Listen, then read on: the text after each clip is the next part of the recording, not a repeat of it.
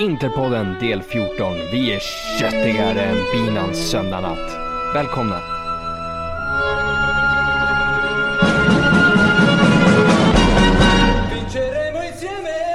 Jajamensan, något sånt där brukar det ju låta här i Interpodden. Det är del 14 direkt efter Atalanta-matchen. Det var ju liksom ganska väntat, men ack, lika väl välkommet. Eh, med mig för att diskutera Atalanta-matchen och senare framåt blick mot matchen mot Cagliari. Och självklart alla era frågor är eh, Binan Alatar. Yes. Woohoo! Alltid lika Il kul. Presidente. Slängde du in den där på slutet också? Ja, visst. Eh, nej, alltid lika kul att vara med. Uh, ser fram emot det. Grymt. Eh, du var ju på plats här mot, eh, mot Atalanta och det, det verkar ju ha varit en trevlig tillställning på, på många sätt. Du kan väl berätta lite om din resa kanske? Absolut. Eh, det var en jättetrevlig resa och med ett riktigt härligt gäng faktiskt. Det var jag, Elvis, Edin, Dino. Jag hade en kompis med från Malmö, Jakob. Jakob Planell var med. Jag hade lite nya medlemmar som var med och det var verkligen, alltså verkligen en toppenresa. Eh, Vi gjorde en grej på söndag förmiddag också. Då hyrde vi faktiskt en bil och körde bort till Schweiz. eh, Till en outlet där, en märkesoutlet med jättebra butiker. Som ett tips till folk som är i Milano. Det är faktiskt, eh, tar bara 40 minuter och man åker förbi Comosjön och... ja precis. Mm. Alltså, jag, såg ju, jag såg ju er på kartan där. Det är ju ungefär där omkring som, eh, som jag bor när jag är i Milano. Med Aha, bruden liksom. okej. Hon bor ju där på, på kanten liksom. Ja, okej, vad nice. Ja, så att eh, man kan ju... Jag tänkte så här, nästa gång vi åker ner eh, när det finns lite tid så, så kan man ju göra ett avstick och eh, köra förbi Appiano. Eh, om man tajmar det med en träning. För det är ju på vägen i princip. Ja. Eh, så att eh, det, det var hur trevligt som helst. Och sen så hade vi en... Eh, utöver en otrolig match så gick vi till Zanettis restaurang efter den här nya El Gaucho. Eh, och där, därav namnet på podden. Det var en köttig restaurang. Ja, och så, så som jag förstår det så är det här liksom flagg, flaggskeppsresan för, för Interclub Svezia också, eller hur? Hur menar du då? Att det är Alltså- första, första ja. som styrs upp eh, officiellt av Ja, supportklubben. absolut. Absolut. Och det var ju kanske inte en riktig så här, eh, vad ska man säga, eh, en riktig supporterresa som vi hade planerat så här eh, och fullt med restaurangbesök och med massa medlemmar som följde med. Utan det var mer egentligen vi som ville åka ner så tänkte vi, men vi, vi alltså de som vill får jättegärna följa med. Eh, Precis, men, ni, men ni fick ändå biljetterna som, som en Interclub, Ja. eller hur? Ja, Precis, och då precis. kan vi ju liksom bekräfta för alla, alla kära lyssnare att eh, det där funkar ju klockrent bevisligen. Ja, och jag kan faktiskt slänga in där med att, eh, ja, du vet ju att det brukar vara ganska mycket kö när man ska in på matchen. No Eh, fucking shit. Ja, precis. Eh, men eh, jag sa så här, men vänta, varför står vi i kö? Varför går vi inte bort till den här sektionen, eller eh, ingång 5 som är exclusive för Interclub members? Eh, och vi gick bort, det, det, liksom, det var två personer framför oss. Vi kom in utan problem. Eh, och det är ju, då tänkte jag, men hur visste han det? Det står liksom inte på biljetten. Eh, Men då kom jag på att det gör det visst. För att det står ingresso 5, 7 och 9. När det normalt brukar stå 7 och 9 eller, eller vad det nu Precis, kan vara. precis. Så att, eh, att nummer 5 står med har ju med att eh, vi har bokat den via klubben då. Så att eh, inga, inga köer, vi kom in på nolltid. Klockrent ju. Faktiskt. Och eh, vilken eh, jävla match ni fick se. Alltså, ja den var faktiskt, eh, alltså det är en match mot Atalanta och, och vi diskuterade ju först här, men matchvalet kanske inte, det är ingen toppmatch eller vad man nu ska kalla det. Men, eh, alltså fy fan vilket tryck Inters publik skapar. Alltså vi är verkligen eh, på en annan nivå. Eh, vi är vana att gå på stormatcher, eller jag i alla fall det. Det här kändes som en stormatch. Eh, man kan ju ha, alltså jag har självklart varit på matcher mot mindre lag och så vidare tidigare. Eh, Palermo bland annat, eh, Lazio om man nu ska räkna med dem. Men eh, det är någonting speciellt med den här säsongen. Det finns ett hopp som inte har funnits på länge och det syns och, och hörs och känns verkligen på arenan. Eh, och för första gången kan jag säga under den här säsongen så syntes det på spelarna också. Det, det var avslappnat, eh, full fokus på uppgiften och full kontroll matchen igenom. Jag sa där i halvtid, så sa jag till grabbarna, jag bara Alltså fy fan vad skönt. Och då stod det ändå 0-0. Jag bara fy fan vad skönt. Äntligen en match där man vet att man inte kommer förlora. Alltså man vet ni var så säkra säker. alltså? 100% säker var jag och de bara men lugna ner dig, du jinxar så här. Nej nej nej nej nej. Jag är 100% säker på tre poäng den här matchen. Vi Precis, spelar precis som 100%. jag sa, precis som jag sa vid, vid Milano-derbyt då. Ja.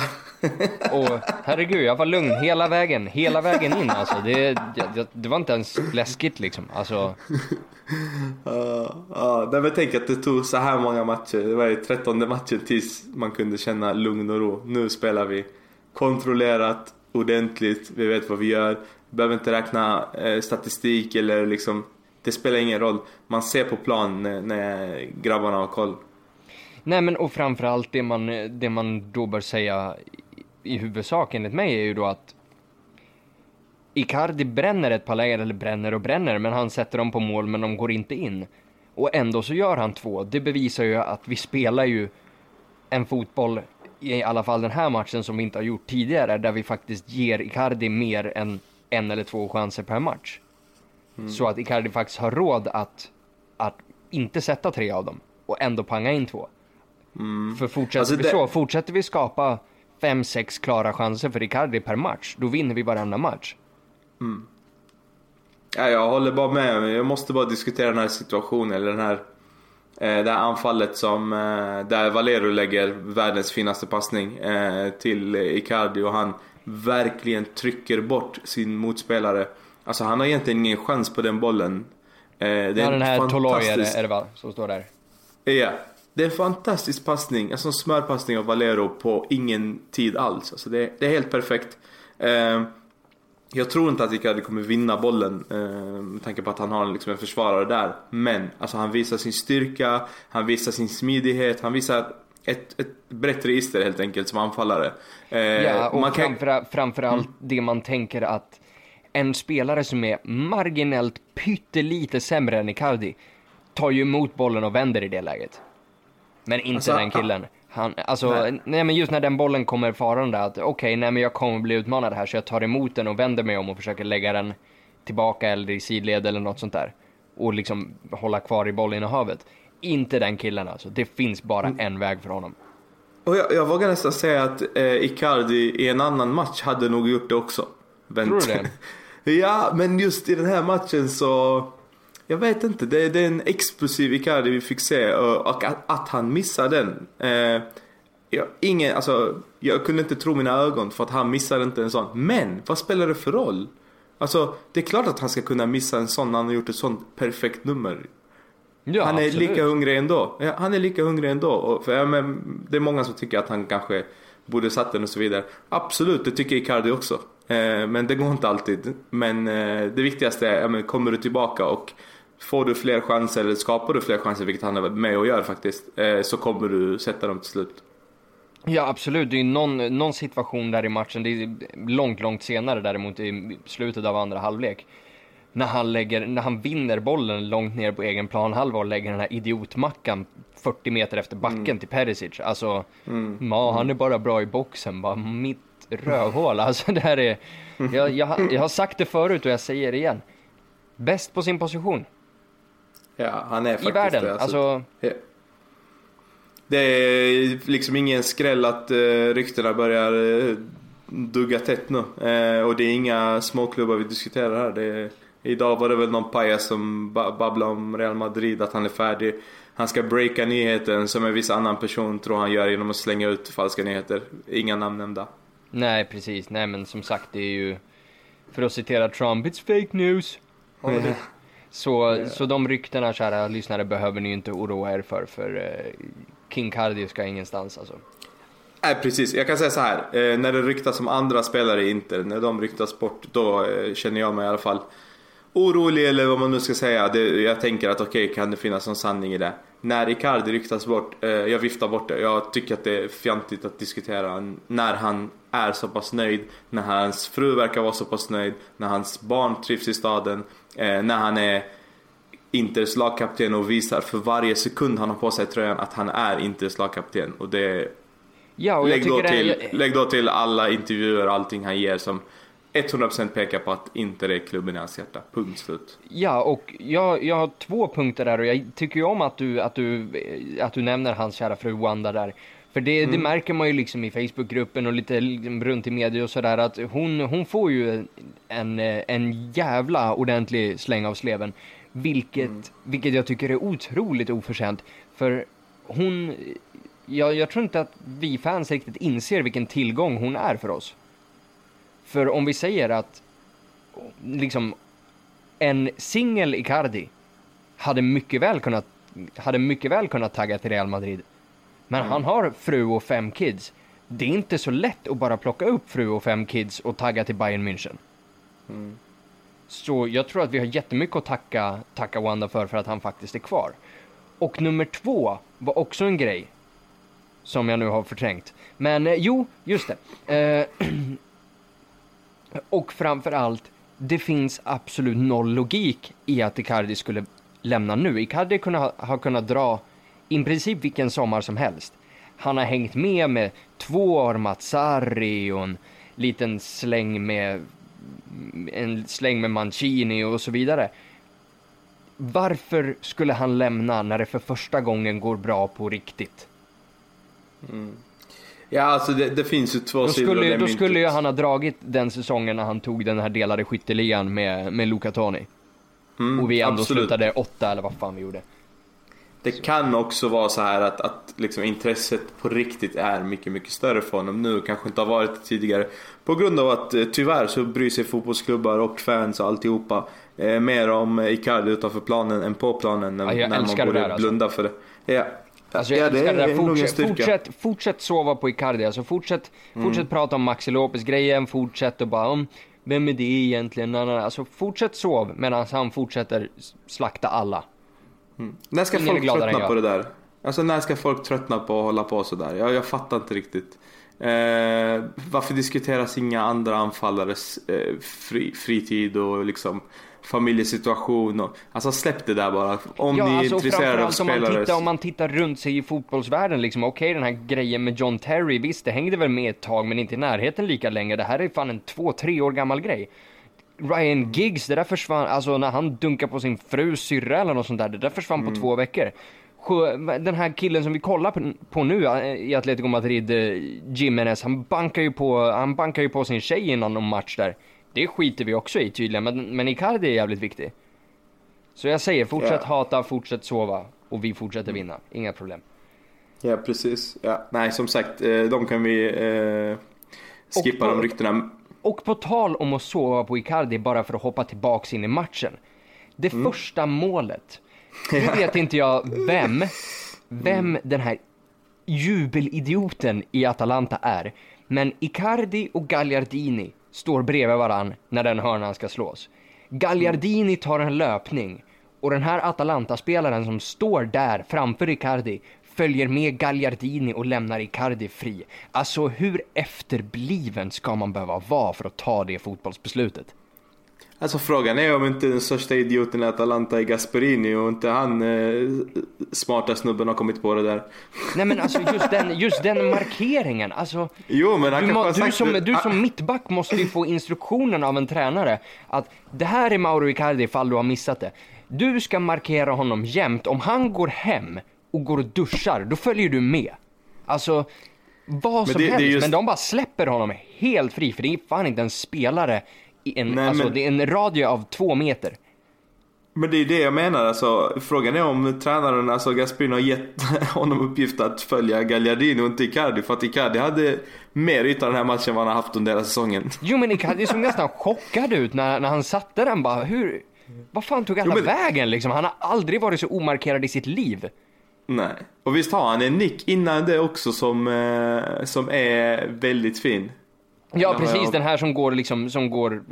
eh, Som han bör som sätta går, ner i princip. som går ner i backen som, som Berisha Ja. faktiskt är med på rätt snabbt. Eh, ja, alltså jag känner att han eh, inte alls var markerad den här matchen på samma sätt som han brukar vara och eh, jag tror faktiskt att det är tränarens, eh, alltså så dålig kan man inte vara som mittback, eller? Alltså det är ju en du behöver hålla extra mycket koll på. Ja, möjligtvis två eller tre. Eh, Miranda ska man nog akta sig för i straffområdet. Skriniar. Skriniar. Eh, men liksom Gagliardini... Men, men om vi säger, de är ju markerade, de står ju på helt andra platser. Det är ju liksom, det är ju Cardi och Gagliardini som står där och så springer Ja, precis. Gagliardini och killen hänger på. Alltså Ja. det, det måste, instruktionen måste ju vara, alltså låt Gagliardini sticka. Alltså, Mm, de här har ändå det- spelat med, Gagliardini är en Atalanta-spelare. De har till och med, de har spelat med honom. Hela hans ungdomskarriär, de måste ju fatta det här. Men Gagliardini kan inte göra mål. Alltså, Mm. ni känner ju killen. Men vad fan. Ja, ja. det- Nej, men det väl bara Visst- tacka och ta emot då. Eh, ja, absolut. Eh, Vad tror du om det- att gå in på lite, lite spelarbetyg i, i och med att vi nu diskuterar matchen så lär, eh, så lär vi säkert hamna i fler sidospår och liksom bryta ner specifika situationer Mm. ytterligare. Det kan vi absolut göra. Eh, om vi börjar med, vi kör då eh, som vanligt eh, Gazettans spelarbetyg och sen så kan vi sätta våra egna. Ja, men precis. Eh, eller vad gör vi? Ska vi sätta våra egna först? Det blir kanske Ja, roligare. vi kan ju kasta om det lite grann kanske. Ja? Ja, men eh, om vi börjar då från eh, längst Ja. bak och framåt då. Yes. Uh, Handanovic. Ja, alltså det var ju inte jättemycket för Handanovic att göra i den här matchen. Alltså, hade de ett skott på mål ens? Mm, ja det hade de. Eh, det som han räddar faktiskt väldigt fint. Nere vid... Nere till vänster va? Mm, jag kommer Han inte ihåg. Jag, jag, lite- minns, jag minns mest bara Nej, han hur... lämnar en liten retur men... han Ja, just det, den där. Den, eh, Mm. om det är Hattebor eller om det är Ilicic eller sånt Hette han Hattebolle Hate the Boer? Ja. Potato Potato, det var ju en spelare som jag faktiskt var imponerad av. Jävlar vad det Ja. gick undan. Stor, bufflig och snabb utav fan. Eh, du får ge ditt betyg där på Handanovic. Ja, ja, det är ju en räddning. Släpper inte in någonting, har inte så mycket mer att stå i. Sen är det det här, alltså Visst- hans passningsspel där, alltså det är ju någon situation när han liksom sätter en passning mellan två Atalanta-spelare och landar den hos typ Miranda. Alltså, Och det är det är ju bra, det är ju, Det är en tittfint. Alltså han, han gör ju tittfinten också. Han tittar Ja. bort och lägger den. och det är ju... Och det är ju coolt och så här och det är väl bra att han lyckas med det men jag tycker ju verkligen inte om initiativet och jag förstår ju att det här är liksom att det här är instruktioner de har fått av Spalletti. Att nej men vi vill inte sparka ut långt, vi vill bygga upp spelet liksom från egen planhalva och så vidare. Men någonstans måste man ju ändå ha lite hjärna själv kanske och märka att oj då, nu är det bara D'Ambrosio här. Och fyra Atalanta-spelare. Då kanske jag ska panga det långt i alla fall. Men det görs aldrig verkligen. Så en 5,5. Inte bra, inte dåligt. Okej. Helt acceptabelt. Eh, ja, jag ger honom en sjua. En sjua! Eh, ja, faktiskt. Och det är inte vanligt för Binan när det kommer till Handanovic. Men eh, jag gillade verkligen Handanovic den här matchen. Jag tyckte att han, eh, ja, den här räddningen som han gör. Eh, först kokar jag och jag kollar på Elvis direkt för Elvis står ju bredvid mig och han älskar ju Handanovic. och, och han säger då, ser du? Och jag säger, ser du? Han släppte retur. Ja, ja.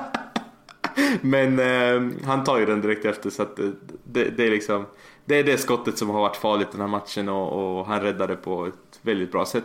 Eh, men jag älskar den här tittfinten han gör så det är den som höjer betyget. alltså det, hade det misslyckats så hade jag blivit galen men jag älskar att han gör den. Det är liksom en del som... ja, som... ab- absolut, alltså jag fattar, det är ju jättesnyggt genomfört men jag, jag tycker ju inte om principen av att en målvakt håller på sådär alltså. Och framförallt inte när det faktiskt är Handanovic. Alltså om Julio Cesar hade gjort en sån grej, för Julio Cesar kunde ändå spela fotboll med fötterna. Alltså, Ja, ja, vi ja. har sett Handanovic slå bort boll efter boll efter boll efter boll liksom. Så, att han ska börja, Som att han sagt, ska börja leka Ronaldinho och skit, det är liksom... Det är den här matchen vi bedömer och jag tycker att just den här matchen så Eftersom att det gick bra eh, Noll insläppta Absolut värd en sjua han, han kan inte vara bättre än så här. Och jag gillar initiativet för att det inger ett visst det, det krävs ett visst självförtroende och liksom tro på sig på, på sina kunskaper eh, för att göra det där. Eh, nu mötte vi inte Juventus eller Napoli liksom så att eh, Nej, jag gillar det. Han där får en sjua av mig. Vi Ja, hoppar in på nästa. kör. Eh, Vad fick, han i, vad, fick han, vad fick han i Gazettan ah, då? sorry. Eh, 6,5. Ja men någonstans emellan oss två då. Mm. Vi hoppar in på D'Ambrosio. Alltså, kung Damb alltså. Jag tycker han, alltså hade inte Icardi hängt två och varit så bra som han var så är D'Ambrosio matchens lirare. Så nästan il migliore men eh, blir lite överglänst av Icardi som ändå hänger två. Men otrolig jävla insats av D'Ambrosio. Kanske en av de absolut bästa i en intertröja. Alltså det är en assist, hans löpningar, han vinner boll, går inte bort sig en gång, han plockar helt bort eh, Papo Gomez ur matchen. Så ja, 7,5 alltså.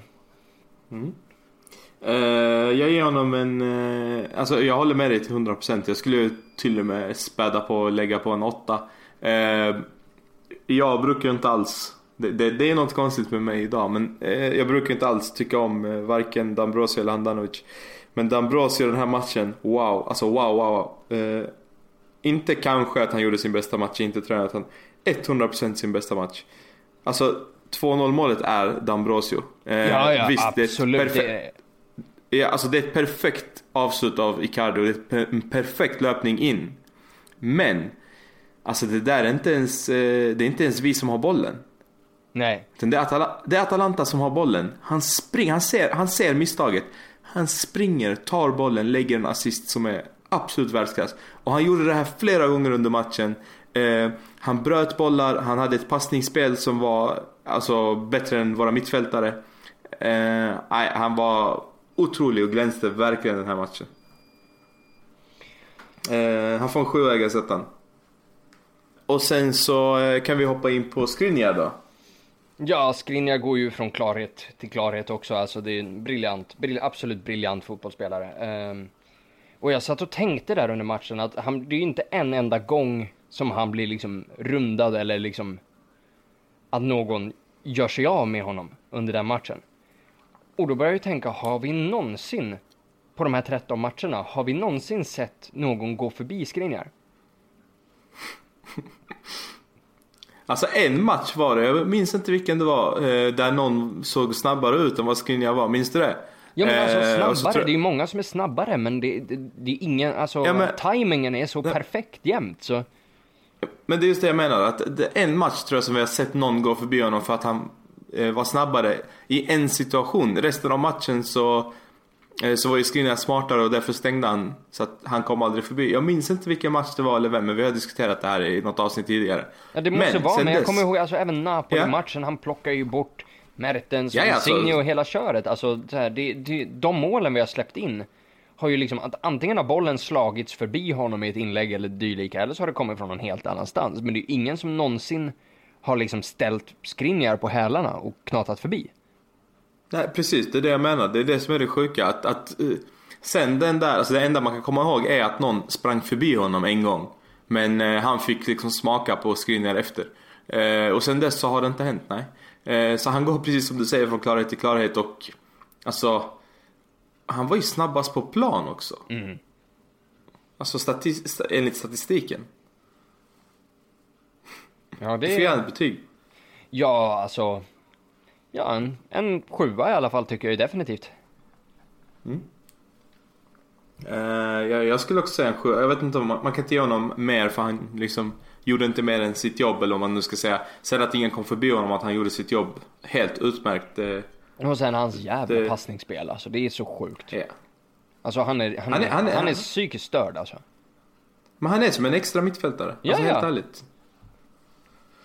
Eh, ja, jag säger också sjua och uh, Gazettan eh, skriver under på det. De Ja, men då så. Mm. Hoppa in på Miranda. Mm. Jag tycker, jag ska, det här är mitt lilla, det, det är ett ganska mikroförsvarstal ändå, men men jag tycker att all den skit han får, den är, den är obefogad alltså. För det här, är- det är inte en, det är inte en dålig fotbollsspelare på något sätt, gör väldigt sällan några misstag. Det är väldigt sällan liksom, han kostar oss någonting egentligen, så jag vill ju ge honom en sjua också. Eh, jag skulle kunna tänka mig att ge honom en sjua också. Eh, Sen så tänker jag, men var han lika bra som Skriniar? Eh, ja, faktiskt. Den här matchen var han det. Han, Ja. han var eh, ett bättre, en bättre Miranda. Samma Miranda som vi såg tillsammans med eh, Murillo som gjorde, eller Murillo, som gjorde att Miranda såg så pass mycket bättre ut för att Murillo var skit. Men eh, igår, eller i förrgår, förrgår va? Ja. Så var han faktiskt eh, bättre än, eh, eller så här, lika bra som Skriniar. Eller Ja, han förtjänar samma betyg i alla fall. definitivt. Och sen, Sen har vi ju Chockern här va? ja fast eh, Gazettan gav Miranda 6,5 så du vet. Ja. Ja. Santon då? Ex-baby står det i eh, Gazettan. Ja, det där var ju det var en jättekonstig laguttagning och grejen är, ja han, alltså, ja han gör väl inget dåligt egentligen. Alltså, tappar någon boll då och då, vinner någon boll då och då, det är ganska, alltså, det är en ganska platt insats och det är jag ju glad för. Uh, för, alltså, man, man vet ju vad den här även är kapabel till på samma sätt som man vet vad liksom Nagatomo är kapabel till på en, eh, på en vanlig dag liksom. Så, um, nej men en 5,5 då kanske? Ja. Ehm, alltså jag tycker han gjorde något misstag här och där men eh, han, alltså det är ingen lätt match för honom. Dels har han inte startat eh, den här säsongen överhuvudtaget. Den här säsongen? Eh, Han startar ja. det här livet. Eh, och dels så eh, kommer vi säkert in på det sen men dels så har han en Perisic framför sig som eh, inte var Perisic. Så att jag tror att det är typ att hans betyg sänks lite på grund av eh, Perisic tycker jag. Eh, men eh, annars gör han väl en helt okej insats. Eh, som vanligt så spelar vi inte på den kanten tillräckligt mycket utan vi spelar ju på Kandreva och Dambrosius kant. Mm. Med all rätt den här gången. Jo. Eh, men ja, stabil. Han, han är i, i backlinjen och de släpper inte in några mål så att... En sexa. Mhm. Eh, så att, eh, ja, Gazettan också ger en sexa. Vesino? Vesino, ja en, en aning en platt match av honom också men alltså det är väl okej, man kan ju inte vara på topp jämt, alltså gör ju inte bort sig på något sätt liksom. Det är ju framförallt det jag börjar riktigt gilla med det här med det här laget att även när vi inte presterar, även när alla spelare inte presterar på sin absolut högsta nivå så går det ändå vägen. Alltså att om vi säger att våran högsta nivå kanske inte har höjts markant sen förra året, men våran lägsta nivå är fan en helt annan dimension. Mm. Så, ja men, fuck it, ge honom en, ge honom en sexa också då. Mm. Ja, ja, det finns inget att diskutera där. Jag tycker att han är en av de viktigare spelarna och det är en startspelare liksom. Eh, Absolut. och startspelare ska ha minst en sexa varje match. Så att eh, han gör absolut ingenting som sticker ut, varken positivt eller negativt. Och jag tycker att han förtjänar en sexa. Ja. Vad säger Gazzetta? Eh, eh, de säger också sexa. Att, Ja, och nu till Il Peggiore. Gissar jag. Roberto Gagliardini, du får börja. Alltså, ja, alltså. På riktigt, jag känner mig sviken. Alltså jag har stått upp för honom och försvarat när alla andra har, har sågat honom. Och, alltså jag skulle vilja att han, att han hör av sig till mig och säger förlåt. Alltså för, för på riktigt, det känns liksom, vad har, vad har jag gjort? Vad har jag gjort honom liksom? Jag har bara varit snäll liksom. Jag känner mig lite förbisedd här. Men, eh, ja.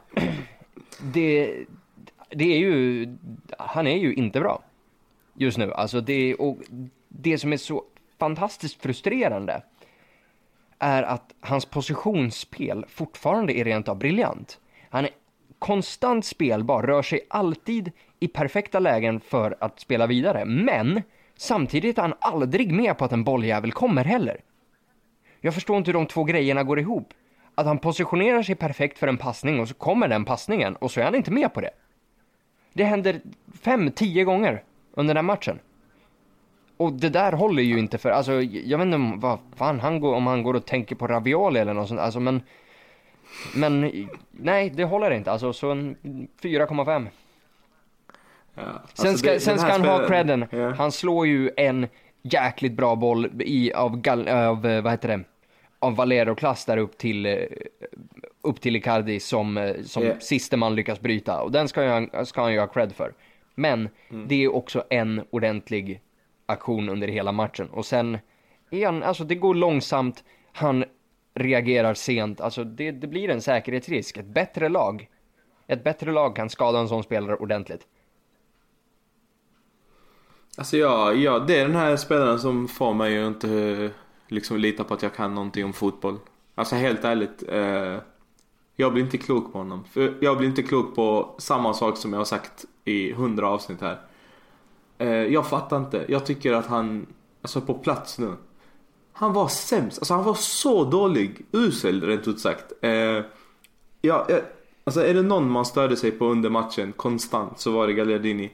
Han bryter bollar och spelar dem till fel spelare. Han eh, är inte där när han ska få passningarna. Alltså han eh, krånglar till det. Han eh, liksom har inte tempot som krävs för, för att hålla uppe, eh, vad ska man säga, spelsättet som vi försöker spela. Alltså han förstör mer än vad han reparerar. Och det, jag sa det under matchen till grabbarna jag var med att alltså, får han här ett bra betyg i morgondagens Gazetta då, då, då erkänner jag att jag inte kan någonting om fotboll. Eh, jag skulle ge honom en, ja, alltså en femma. Jag tycker att eftersom att laget vann och vi inte släppte in några mål eh, och att Atalanta inte kunde skapa någonting så har han gjort någonting bra. Eh, Ja, nej, jag känner så... väl att det, liksom, det stora problemet i honom är att den rollen han har hamnat i blir så jävla fel liksom. För den rollen han ska ha är egentligen den rollen som Vesino har. För Gagliardini är ändå, Gagliardini är bra, är bra på att föra boll. Men den rollen som han får är den här liksom hållande centrala mittfältaren. Som, alltså om vi säger att han, om man tittar på hur vi spelade förra året så har typ han tagit över rollen som Kondogbia hade då. Och Vesino har tagit över den rollen som Gagliardini hade förra året. Och det är väl det som egentligen visar bristen på våra mittfält, att vi har inte den här faktiskt defensivt hållande mittfältaren längre. Och då läggs det över på en Gagliardini och det är inte hans, det är inte hans starka sida. Alltså kollar om vi säger, om vi säger, statistiken. Om vi säger Ben i den, i den engelska interpodden gjorde en ganska, ganska bra jämförelse och han kallar Gagliardini för liksom karaktärsmässigt för vad Steven Gerrard var i början. Och det tror jag är en ganska, ganska bra iakttagelse. För det finns mycket av, dem, av de här, det här arbetet fram och tillbaka och framförallt positionsspelet. Och på det sättet så förstår jag ju potentialen som finns i den här killen, men då kan man inte heller spela honom och förvänta sig en typ av, en Claude Makelele typ av spelare liksom. Mm.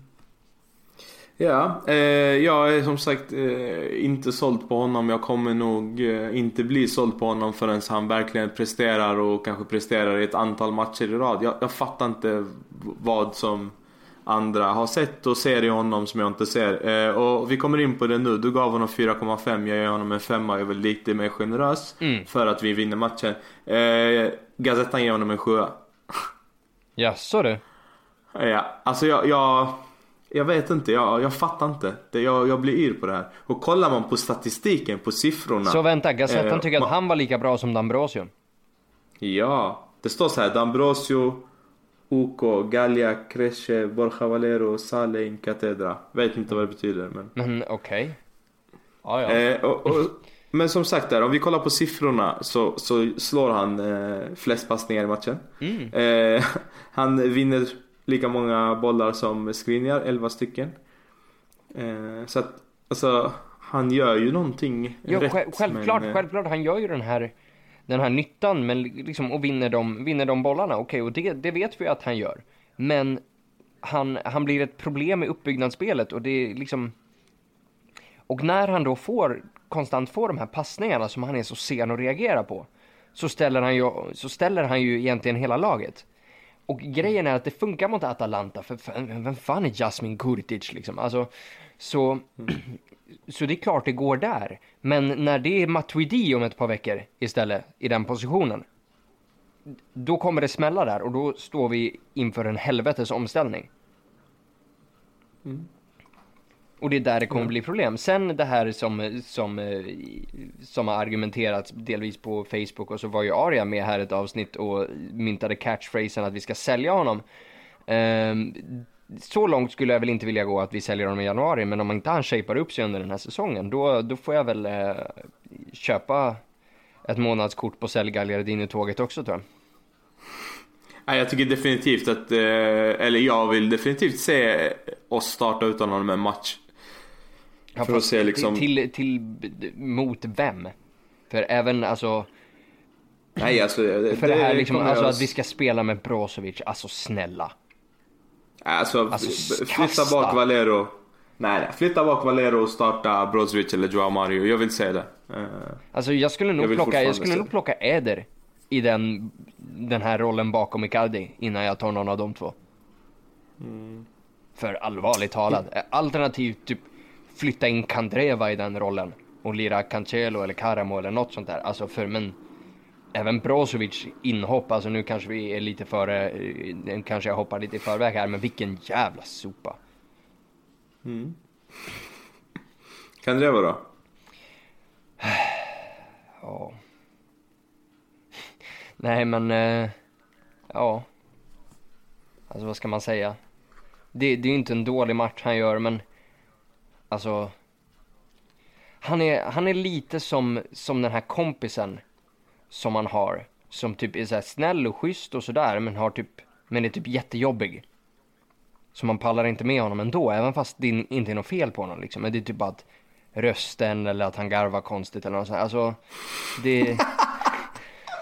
Jag vet inte, det är bara, han, alltså, det är bara tröttsamt att titta på. Så, alltså, och jag kommer ju se förbi det där och, och ge honom den 6,5 som han ska ha. För liksom han, gör- han, han slår ju faktiskt hörnan som blir assisten och så vidare. Och jobbar hårt och så här, men det är det här, alltså jävla är en frispark bollkladdandet. och med, va? och, ja, en frispark är det till och med. Sorry. Eh, Men det är det här jävla bollkladdandet och vändningar och sen kommer det ett flygande inlägg åt helvete. Alltså det, det, det är bara det är irriterande. Han är inte i närheten lika Ja, liksom, eh. klinisk och effektiv och rakt fram så som Perisic är. Det är därför man gillar Perisic. Ja, jag, jag börjar gilla honom mer och mer ska jag säga. Eh, vet du varför? För näsan. Jag Nej, jag tror jag har börjat förstå mig på honom. För att vi var inne på det här förra avsnittet att killen vet nog inte när han gör fel. Alltså han, typ, han, han, han bara slår av sig det direkt. Eh, och nu har de precis missat VM. Eh, till stor del på grund av Kandreva skulle jag säga. absolut. Det... Haha, haha, Eh, haha. och, ja, alltså vem bryr Han bryr sig inte. Han, alltså kolla på Buffon och eh, Barzagli som inte ens startade matchen. Eller inte ens spelade matchen för att de må, fortfarande mådde för dåligt. Han här couldn't give a less shit. Alltså, jag vill ju bara säga det att Buffon startar inte för Juve för att han mår dåligt och så torskar Juve. Alltså, det är så vackert. Alltså, Jesus. Alltså, jag, jag säger, den här, den här videon på Buffon efter VM-finalen, eller efter VM-matchen där. När han bara, alltså när han står och gråter som lille skutt. Alltså, på riktigt. Jag typ kollar på den varje morgon och så liksom kliver jag upp ur sängen med ett leende på läpparna och så liksom går dagen bra liksom.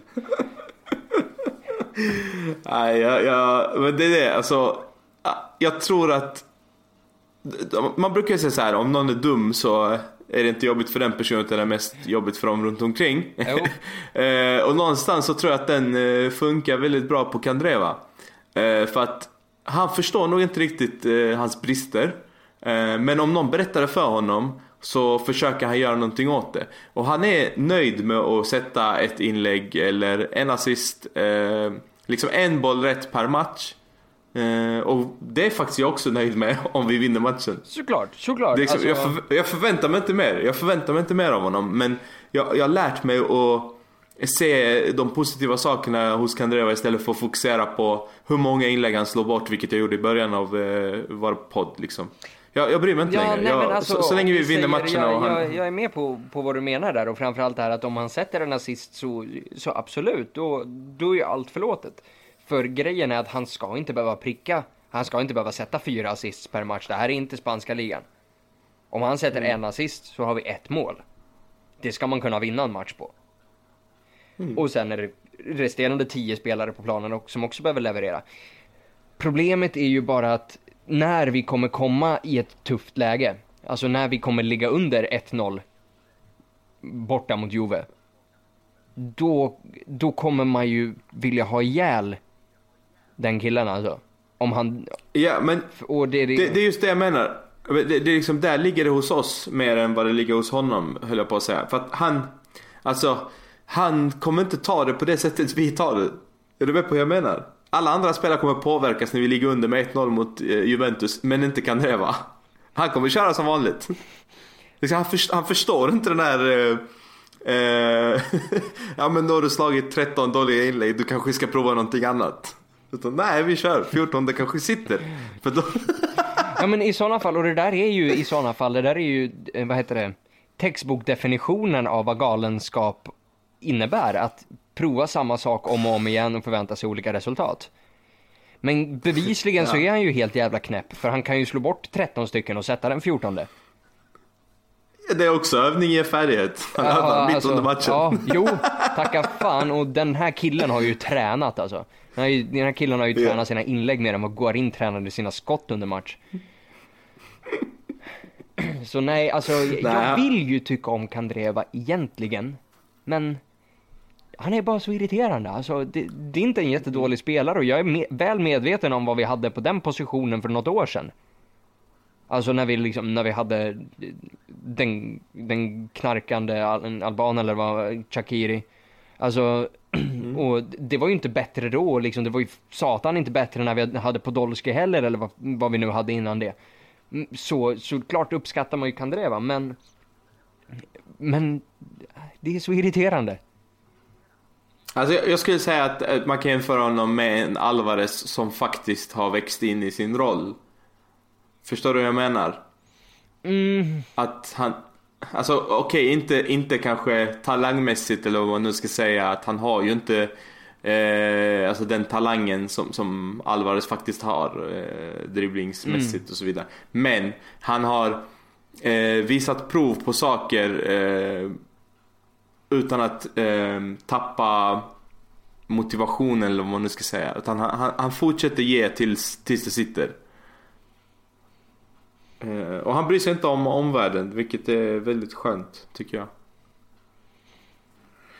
Men eh, ja, han får en 6,5 av mig också, han får en av dig och han får den även av Gazettan. Eh, vi släpper honom och går in på eh, contendern till bästa eh, Instagram eller sociala medieprofilen eh, Borja Valero. Ja, ja alltså det är bara osar klass som den killen alltså. Alltså det, mm. vad ska man säga? Perfekta fötter, perfekt skägg. Alltså det, det är inte mycket att tjafsa om. Alltså, så jag ger honom en, jag ger honom en sjua liksom. Han gör ju, han gör ju väldigt sällan ett fel alltså. Eh, jag kan säga så här, första halvlek och första 20 minuter i första halvlek så sa jag så här, åh, vad skönt att eh, Valero har fått vila i två veckor, det syns verkligen. Ja, ja, han kom absolut. in liksom med, med energi och sen bara, sen blev han trött igen. jo, jo men alltså grejen är att, för, jag förstår det för killen är ändå 33. Mm. Och framförallt, han har aldrig spelat den typen, den typen av fotboll så, för det var inte, den rollen han har där är ju inte, det är ju, det är ju Mario-rollen. Att han, han får ju täcka hur mycket yta som helst i hela, ja. liksom, i hela sista, eller sista tredjedelen är det inte, men ja, utrymmet mellan, mellan mittplan och motståndarnas mm. box liksom. Och det är inte den rollen han har haft i varken Villarreal eller i, i Fiorentina för den delen heller. Så jag förstår ju att killen blir trött liksom. Jag är också det och jag eh, tänker att det här är vårt problem. Det, det är inte hållbart. Eh, det, vi måste göra någonting åt Borja Valero för att han är pure class och vi behöver honom i laget. Yeah. Eh, jag tror att det är dags att, att sätta honom i sin position för att jag tror att han skulle bidra minst lika mycket. Men det, det handlar ju mer om att vi inte har eh, en färdig ersättare. Jag är helt övertygad om att ersättaren finns i truppen. Ja, jag, har, jag har ju mina teorier där också och jag tror ju att, att lyfta ner honom dit, det gör ju oss, det gör oss sårbara. Re, alltså rent defensivt. För om vi säger låt oss tycka vad man vill om Gagliardini, men han vinner ändå 11 av de där bollarna. Det kan vi inte räkna med att Valero gör. Vesino vinner också en del, men han är inte den eh, han är inte en, en, en, eh, en Golo Kanté liksom. Så vi behöver ändå ha liksom någon som kan vinna, vinna lite bollar på mitten. Eh, så, men om man ändå skulle gå den vägen och flytta ner honom så tycker jag ju definitivt inte att vi har ersättaren i truppen heller för jag tycker Brozovic är en jävla ärkesopa. Eh, och jag tycker han bevisar det mer och mer för tidigare har man pratat om att men han har en sån här otrolig, liksom en oslipad diamant med otrolig talang. Men ja, men visa det någon gång då. Eh, och egentligen samma grej med Jean Mario som, ja men han behöver tid att anpassa sig. Ja, men det, det har gått ett och ett halvt år nu. Och hade han hetat jo Joffrey Kondogbi hade alla argumenterat att han skulle ut. Så nej, jag tror nog inte att vi har ersättaren i truppen. Mm. Jag tror ju alltså definitivt på eh, Joao Mario fortfarande och jag vill se det hända men eh, jag, jag tror inte det kommer hända. Så att eh, jag tror att vi har ersättare i truppen men jag tror inte att vi kan hantera det eller att vi har hanterat det fel hittills. Pangade inte, pangade inte det jävla aset ett långskott i landslaget? Jo det gjorde han. Alltså. Eh, det är ett dåligt målvaktsingripande måste jag säga också. Ja, det, kanske det men alltså han prickade målet. Det har han ju fan inte gjort för oss på länge. Nej, men han har inte spelat för oss på länge heller. sant. Eh, till hans försvar. nej, så där, så, där röstar jag för en eh, Borja får en... Ja, ja, ja, jag vill skriva under om inte han får spela för att det finns ingen anledning längre att hålla på och krångla med det där. Eh, men som sagt, jag vill bara säga att jag tycker att eh, vi behöver tänka ut den här situationen ordentligt och göra någonting i januari så att inte vi får en jättetrött Valero i januari till exempel. Som drar på sig en skada och sen så är vi helt mm. körda. För att det, eh, skulle jag säga att vi är om vi tappar yeah. honom. Eh, Ivan Perisic, eller vad sa vi? Valero, du gav honom 6,5? 7 sa du? Ja, eh, jag ger honom precis samma betyg som Gazettan. Jag säger 6,5 och det... Jag har all respekt för att han är 33 men jag tycker att han blir trött alldeles för fort. Jo, kanske. Eh, eh, Ivan Perisic. Ja, det har ju varit lite här snack om att här, han inte var så super. Det tyckte inte han gjorde en dålig match på något sätt. Så jag kan väl ge honom en, alltså en 6,5 där. Springer mycket, mm, utmanar, han... alltså har lite oflyt i ett läge där. Jag kommer inte ihåg vem det är som för upp bollen, men då har man ju alternativet att lägga till Icardi som är markerad av två eller en fri Perisic och den killen väljer Icardi. Det finns ju en gedigen chans att det kan vara Gagliardini som gör det beslutet också. Um, mm.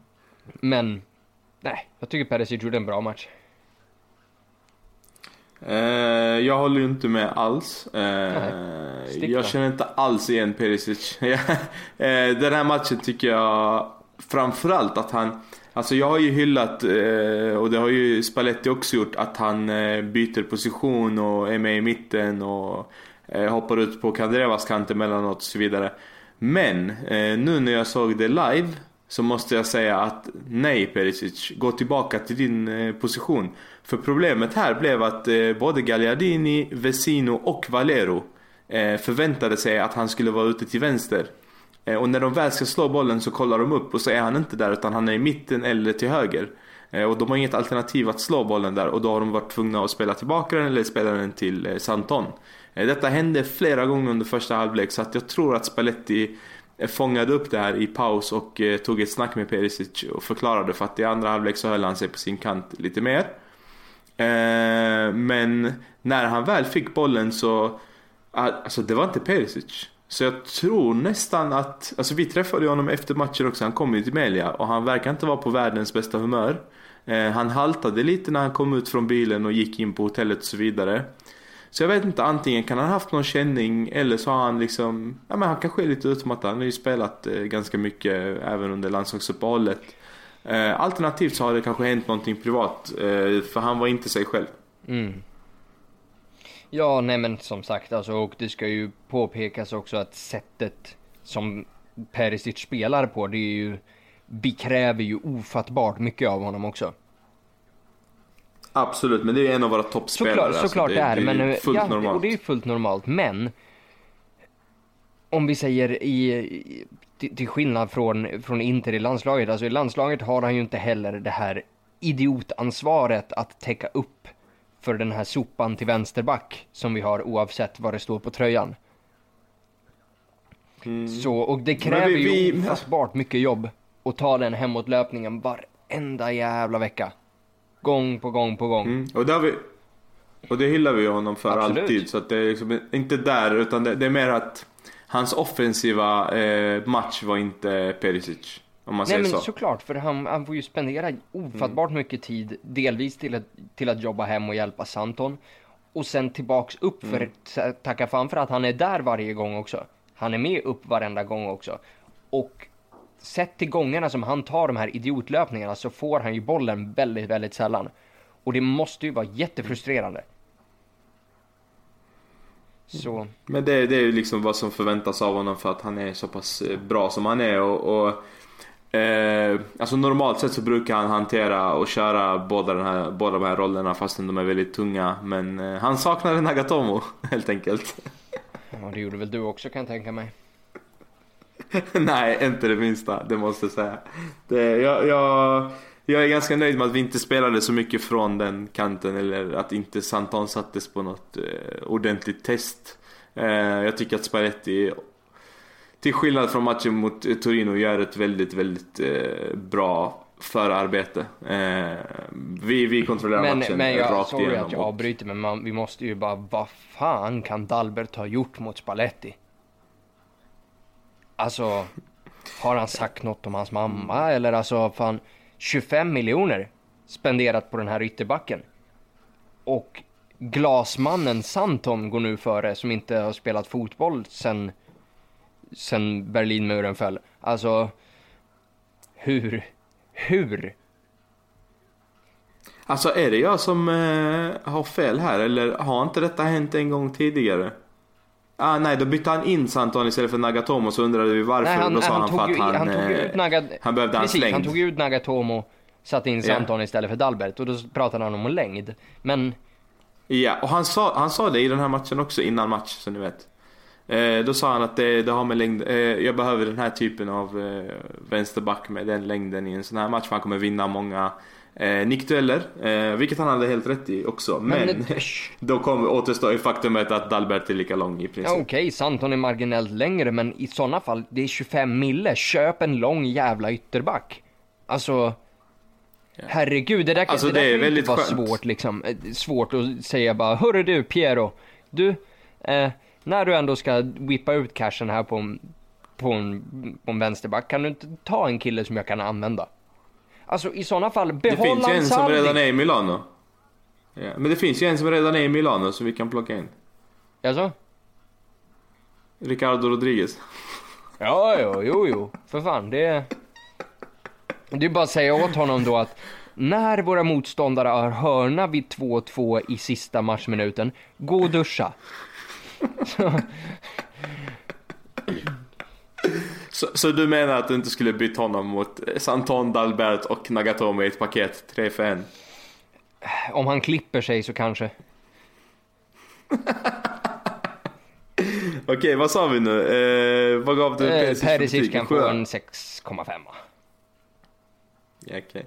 Han får en femma av mig, han får en sexa av eh, Gazettan. Och de har satt honom på, på platsen där det brukar stå Il Peggiore. Men det står Il, il Voto Pio Basso. Mm, vad alltså, betyder det? Pubas och eh, lägst betyg. Ja, okej. Eh, Så det finns ingen som var sämst på planen. Vilket, där måste jag ändå säga att det är ganska häftigt. Eh, så att eh, det finns ingen Peugeot i den här matchen. Utan eh, det är en laginsats där alla är bra. Inklusive Brozovic. Säger Gazettan då. Vad säger du? Nej, alltså jag tycker Brozovic är, är skandal och ändå coolt att Spalletti lyfte in honom på högerkanten där istället för Kandreva.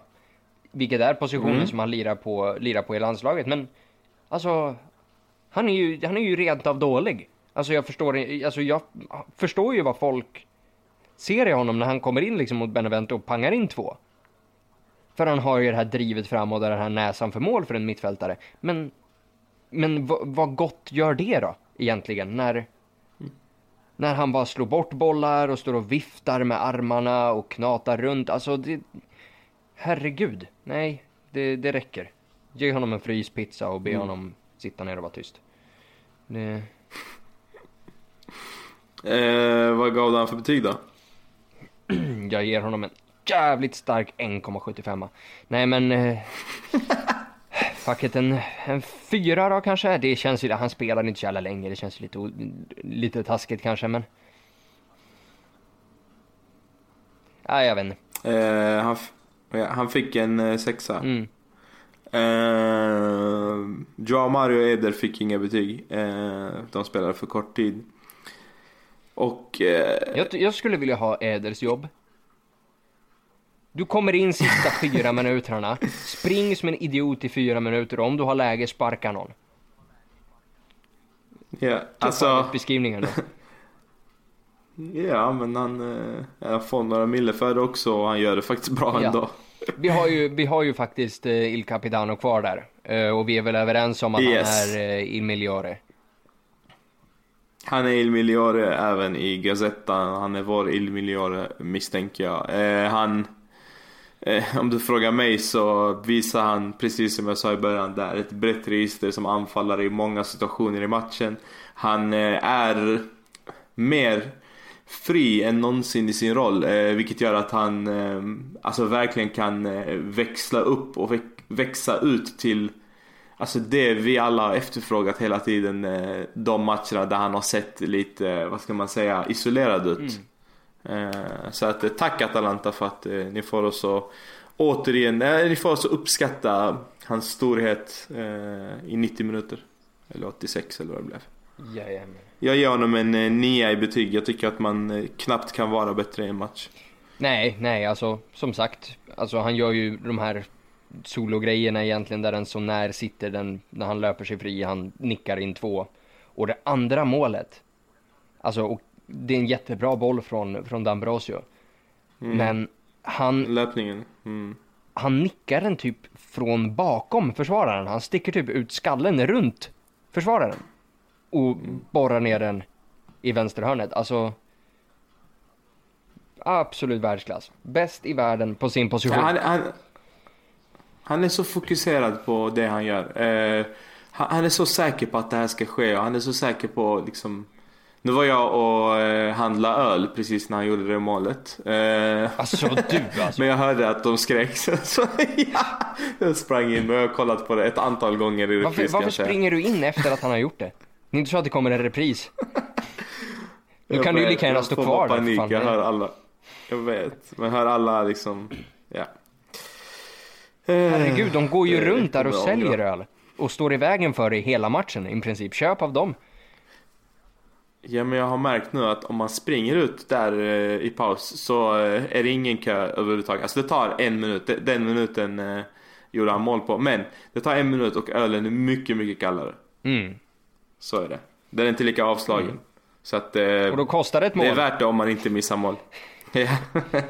Den sista, ja han fick en åtta i Gazettan och ditt betyg är? Ja, en 8,5.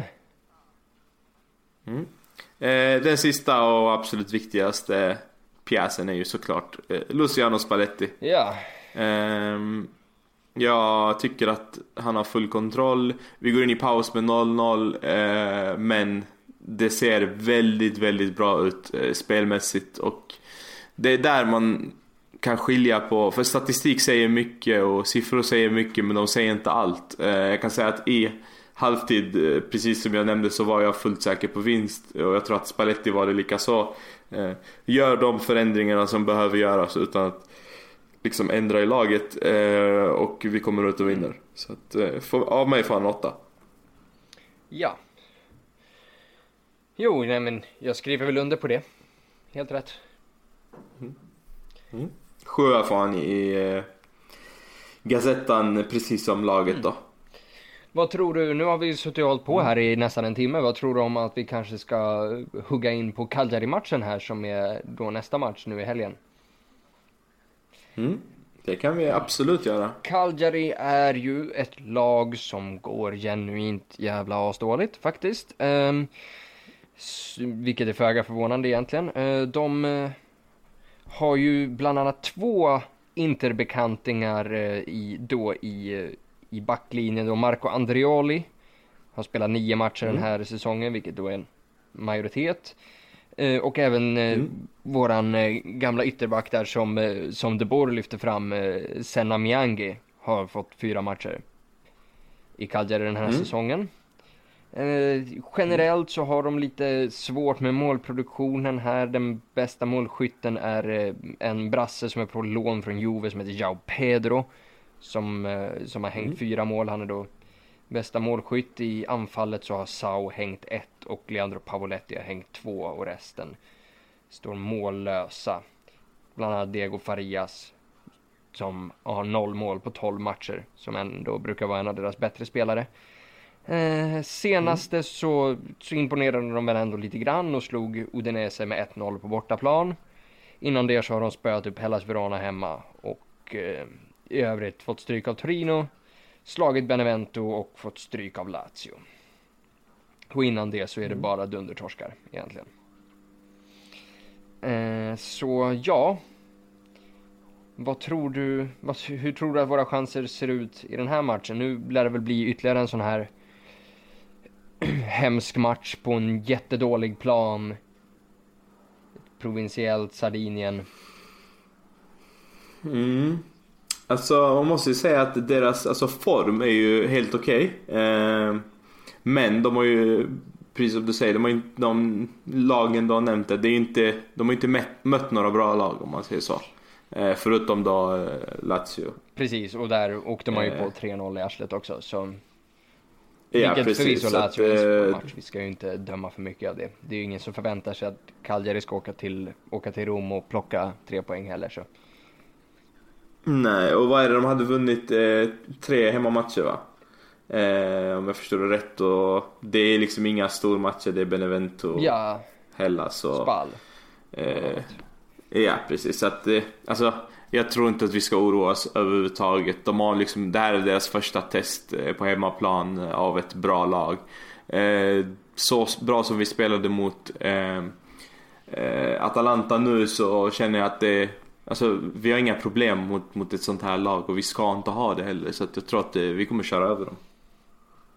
Ja, men de huserar ju på en, eh, på en trettonde plats just nu också strax, eh, ja, en poäng efter Atalanta då. Mm.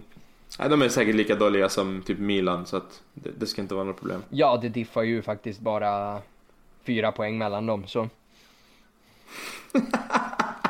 Eh, för det, för, jag några milanister som eh, lyssnar så kan jag ju bara konstatera att det just nu skiljer 14 poäng mellan oss på 13 matcher. Haha, haha, haha. Jag tror jag läste att de har, närm de har närmare upp till, eller ner till eh, nedflyttning än vad de har till toppen va? Milan.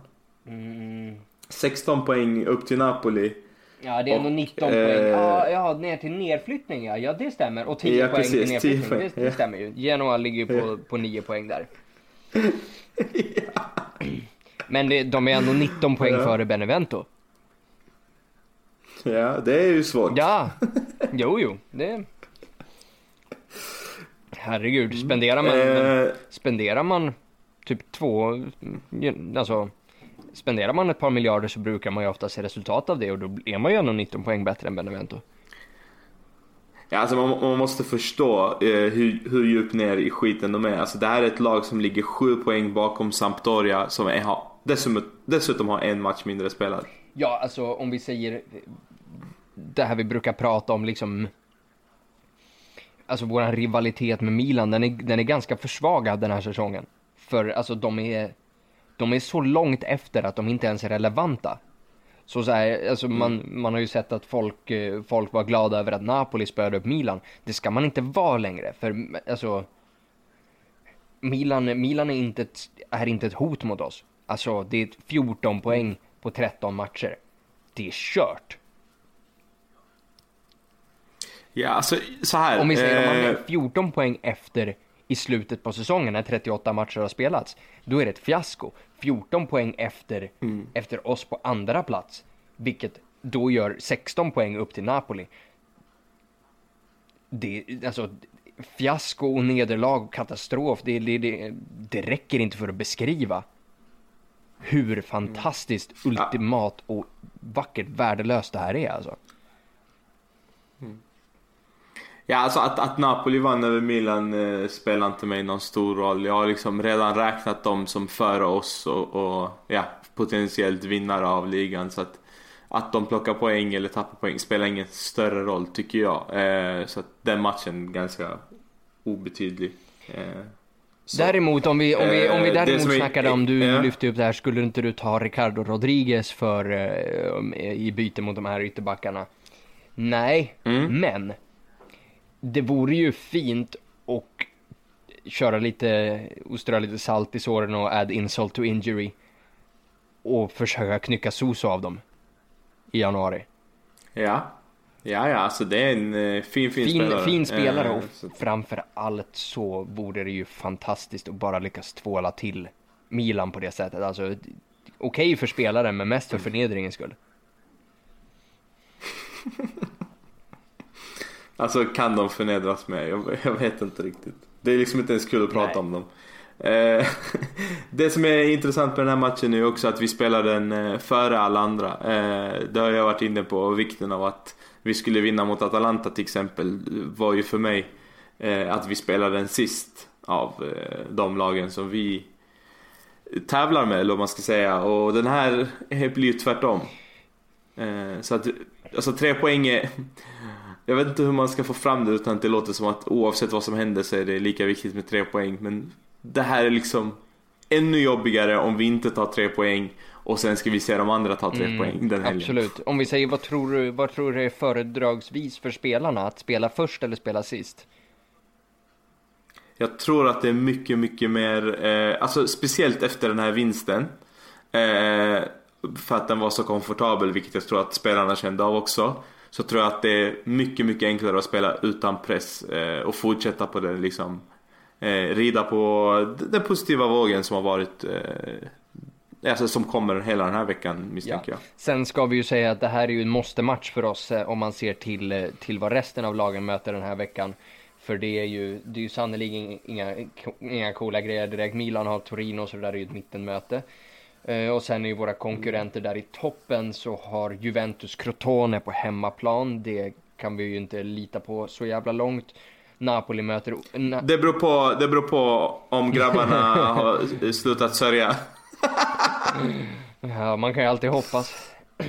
Eh, samtidigt som Napoli möter Udinese på bortaplan. Så inte heller det något tyngre. Roma har Genoa också på bortaplan. Och Genoa ligger ju på nedflyttningsplats. Det vore skönt om vi blev av med dem också.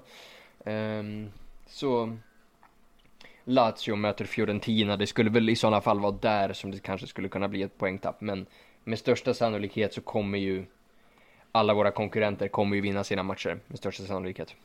Mm. Då kan vi i alla fall, om vi vinner den här matchen, vara serieledare i, en dag eller? Ja, ja för fan. Det skulle vi kunna vara. Mm. Så att eh, det gäller att eh, ta skärmdumpar. Ja. Och sen framförallt så blir ju den här omgången viktig inför omgången efter. För eh, då omgången efter så har ju vi Kevo på hemmaplan, vilket är en match vi ska kunna piska av och faktiskt vinna, även om Kevo är bättre än vad man tror varje år. Ehm, Mm. Mm. Men nästa helg är det ju, alltså helgen, omgången efter helgens omgång så är det ju också Napoli mot Juventus. Mm. Omgången innan vi ska, in, har vi- omgången innan vi ska gå head to head Ja, med Juve. Fan intressant ändå, det har jag inte tänkt på för Juventus att de kör Napoli borta och sen Inter hemma. Det kan bli en eh, vecka där de åker ur eh, toppstriden. Ja, och om jag inte är helt missinformerad. Har inte Juventus Champions League-spel däremellan också? Usch, jag har inte... Jo, precis. De har, de Alltså, har oss där ja. på, på tisdagen. Så möter de Olympiakos mellan matchen mot Napoli och oss. Mm. Ja. Jag hatar att prata Champions League när vi inte medverkar. Jag mår så dåligt när jag tänker på det. Ja, det är som sagt nästa säsong kan vi prata om det. Det är ganska 100% på. Hoppas jag. Eh, men vi ska väl ändå tippa lite resultat, eller hur? Yes, eh, jag säger faktiskt, jag har tänkt på det innan vi spelade in här. Jag satt och tänkte, jag ville säga 3-0 och sen bara tänkte jag 3-1. Eh, alltså 1-3 då. Eh, men sen så tänker jag, varför ska vi släppa in? Hur skulle vi göra det? Det kan inte vi göra och så vidare. Men ja, nej jag säger 1-3. Mm. Nej, jag tror ju att, eh, jag tror ju att den här, eh, i och med, vad heter det, det här lilla tappet mot Torino och sen upphämtningen mot Atalanta, det tror jag är en, det tror jag är en sporre för samtliga spelare egent- egentligen, så... Nu kommer du med 6-0 Nej, igen nej eller? men en, en solid 5-0. Oj, oj, oj. För Cagliari, alltså Cagliari är inte bara dåliga. Cagliari är dåliga defensivt. Mycket, mycket svagt försvar. Ha... Eh, Det var inga sve- sven- svenskar i laget. Varför har jag något minne av att det fanns det? eh, nej, det var väl Albin Ekdal där för något år sedan va? Mm. Ja, precis. Som, eh, som vi fick smaka på på San Siro en gång i tiden. Mm. Albin Ekdal, hattrick. Hattrick va? Fan. Hans enda hattrick i Italien mot Inter. Hans enda hattrick någonsin. Ja. Är det väl? Han är för fan Nej, det defensiv hoppas jag. mittfältare. Mm. Okej, vad tror du Ja, om, eh, vad tror du om eh, lite, sp- lite spelarfrågor var den här att säga nu, men det, det kanske de är också, vad vet jag. Men eh, lyssnarfrågor framförallt. Ja, det är bara att köra. Jajamensan, eh, då börjar vi här från toppen egentligen. Renato Racco undrar, ska man rotera i dessa två kommande matcher mot Kiev och Cagliari inför Juve-matchen? Eller ska man spela med bästa laget för att säkra sex poäng? Vad, vad skulle du säga? Eh, alltså, jag säger som jag sa förra veckan att jag vill se eh, Jag vill se Joao Mario i, i, i spel. Jag, jag behöver det för mitt eh, omdöme om honom. Jag vet inte, jag, jag känner att det behövs en, en sista chans för killen. Det, det finns ingen chans att behålla honom om vi inte ser honom spela. Så att ja, jag skulle säga att eh, inte på grund av eh, Juventus-matchen eller något sånt utan jag känner att vi ska klara av att vinna med Joao Mario också. Eh, jag känner att jag inte vill se Gagliardini från start. Ja, det är ju, där håller jag inte med dig. Jag tycker inte att vi ska rotera då. då. Eh, förutom då Mm. göra någonting med den där ytterbacksplatsen. Alltså det... På riktigt, vi måste ju, vi, alltså Dalbert måste ju funka. Alltså det, det, det, det är ju skandal annars. Eh, men framförallt så... Trots, trots... Men tycker du inte att Joao Mario är ett större problem liksom än, än Dalbert? Alltså bara tänk ekonomiskt så är det ju nästan dubbelt så, Jo så men mycket om vi pengar säger, och Jean där- Mario får vi, tillba- Mario får vi tillbaks cashen för. Det är lugnt. Men Dalbert, Dalbert, om vi inte får Dalbert att funka så har vi en till, så har vi en till Gabi golvsituation där och då, då blir det ju riktigt otrevligt på riktigt. Så. Men samtidigt så vill jag inte röra om på mittfältet för vi kommer behöva de här två tunga pjäserna i, eh, i Gagliardini och Vesino mot Juventus. För vi kan inte ställa Valero i den här djupt liggande rollen mot, en, mot Kedira och Matuidi för han blir översprungen då. Så istället skulle jag väl försöka lägga de här två matcherna på att verk, alltså verkligen inspirera Gagliardini att spela upp sig. Och om han inte gör det då får vi ju se över andra alternativ. Men eh, men, men om man tar den, eh, för vi har ju diskuterat det där tidigare om att hans, alltså vi vet ju att han kan när han vill och det har han ju visat prov på om inte förra säsongen. Eh, Men att han kanske är lite för bekväm i sin, eh, i sin position och sin roll i laget om man säger så. Eh, Skulle inte ett, ett, en bänkning av honom vara sporrande kanske?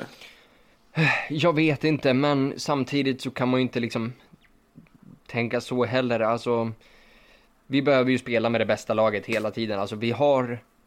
Okej om, vi, om vi springer in i en Coppa Italia-match mot, mot något jävla dassgäng, då kan man väl rotera runt lite grann. Men en match i veckan ska den här truppen palla. Samma elva killar ska greja det. Ja. Mm. Ja, sen så ligger det väl någonting eh, i att man, eller i alla fall för min del, att eh, man vill ju se mer hela tiden. Alltså. Och därför så är man väldigt intresserad av spelarna på bänken hela tiden. Så kan det ju, så kan det ju mycket väl vara också. Eh, jag tänker, i och med att vi pratar lite om Juventus-matchen, så frågar eh, Firat Aydin. Vilket lag har ni mest hat för? Juventus eller Milan? Och varför i sådana fall? För mig är det där en enkel fråga. Mm. Hur är det för dig? Ja, alltså det, det har jag nog sagt tidigare också. Och eh, jag hatar inte Milan förrän vi spelar mot dem. Det är bara under derbyt som jag Ja, hatar ja, alltså dem. Milan, Milan är ju roliga liksom. Det är kul att jävlas med Milanister och liksom, Ja. man kan ha Milan-polare och sådär. Sen har ju du Juve-polare också, det f- har jag ju alltid ifrågasatt. Men, Ja. men Juve, Ja, ja alltså, jag har, alltså, alltså jag har inte hatat någonting eller någon förutom Juventus. ja nej Juventus är, Alltså, det är svårt. Det, går inte. Alltså, det är Nej, alltså, blommande- Det, det, är svårt, det är svårt att förklara varför. Ja, nej men alltså det, Det är liksom, allting eh, från från Calciopoli till hur de behandlade Facchetti, till deras doping, till deras hur fan de beter sig på... Till deras fans, ja, för precis, fan. det är det min slutpoäng är. för grejen är, alla jävla rövhål man träffar på i livet är ju inte Juve-fans, men alla Juve-fans man träffar på är fan grisar alltså. Alltså jag, på riktigt, jag har aldrig Alltså- träffat en person, jag har aldrig haft en konversation med en människa som håller på Juventus där den personen inte har visat sig vara ett jävla as. Det, alltså, det är som nynazister, alltså det är så här. Det är bara en tiebreaker, det går inte. Ja, alltså jag, det, det är inte ens lönt att diskutera. Jag har ju som bekant då väldigt många, eller väldigt många, jag har en del kompisar som håller på Juventus, som är Juventini och så. Man, man får hitta eh, bra saker i alla, men det är väldigt svårt emellanåt och eh, vi pratar aldrig fotboll för att det går inte. Ja, nej, nej, alltså. Det är liksom... nej. Nej. Vi, vi släpper den. Eh, mi- mitt enkla svar är att jag har inget hat emot Milan. Eh, förutom de 90 minuterna där vi möts. Resten så... Alltså, så här, förstå mig rätt. När jag är på arenan eh, under ett derby mot Milan. Alltså då får jag hatet som jag har mot eh, Juventus. Jag får det mot Milan i 90 Ja, såklart. Och framförallt för deras äckliga kurva sud. Ja, Men, de är eh, ju, de är ju hot. utöver det ja, så. Ja. De är ja, vidriga. precis. Vidriga var ordet, ja. Ehm, Mm. Men annars är det liksom eh, inte ett hat på det sättet men eh, Juventus och allt Juventus står för, allt som har med Juventus att göra. Jag klarar inte av att se en Jeep, jag klarar inte av Fiat, jag klarar liksom inte av någonting som har med den om vi säger så här, jag, jag kan Ja. inte spela Udinese i Fifa för att de har samma färger som Juve. Ja, alltså jag, jag fixar inget lag som har svart och vitt. Ja, alltså jag fixar ingenting. När min tjej tar på sig svartvita kläder så blir jag irriterad. Ja men det är sant, jag har sagt det till henne. Hon vet om det. När hon ska ta på sig så, ja, förlåt jag har på mig svart. Ja, men jag fixar inte det. Alltså byt färg, kör. Ta en blå detalj på liksom. Så. Ja. Ja, eh, Firat, jag hoppas att det där besvarar din fråga tillräckligt. Eh, det känns ju onekligen så. Ehm, Nader Sanetti, klockrent namn by the way. Eh, hoppas Skatteverket godkänner det där.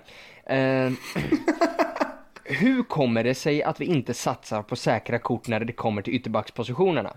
Varför har man inte lärt sig av Erkin Telles, Dodo Montoya, Jonathan Pereira och så vidare? Och chansar återigen med Dalberto Cancelo istället för att typ ta ett säkrare alternativ så som Kolarov. Och det här är ju fan, alltså det här är ju nästan som att fråga vad är meningen med livet, för vad fan svarar man på det binan?